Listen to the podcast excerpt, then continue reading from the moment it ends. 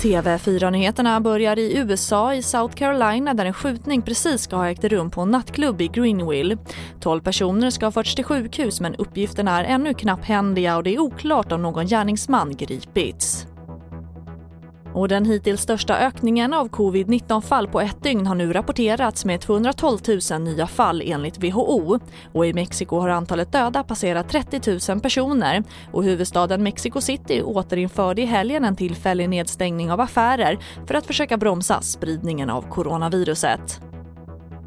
Och Världshälsoorganisationen WHO slutar nu med kliniska tester av malariamedicinen hydroxyklorokin som behandling mot covid-19. Medicinen har testats i försök där nästan 5 500 personer i 39 länder deltagit och det har då visat sig att den ger ingen eller liten minskad dödlighet hos covid-19 patienter. Och sist till Landskrona där det brinner i ett flerfamiljshus på åtta våningar. Huset evakueras och det finns i nuläget inte några uppgifter om några personskador. Enligt räddningstjänsten kommer släckningsarbetet pågå länge. Och det var det senaste med TV4 Nyheterna. Jag heter Charlotte Hemgren.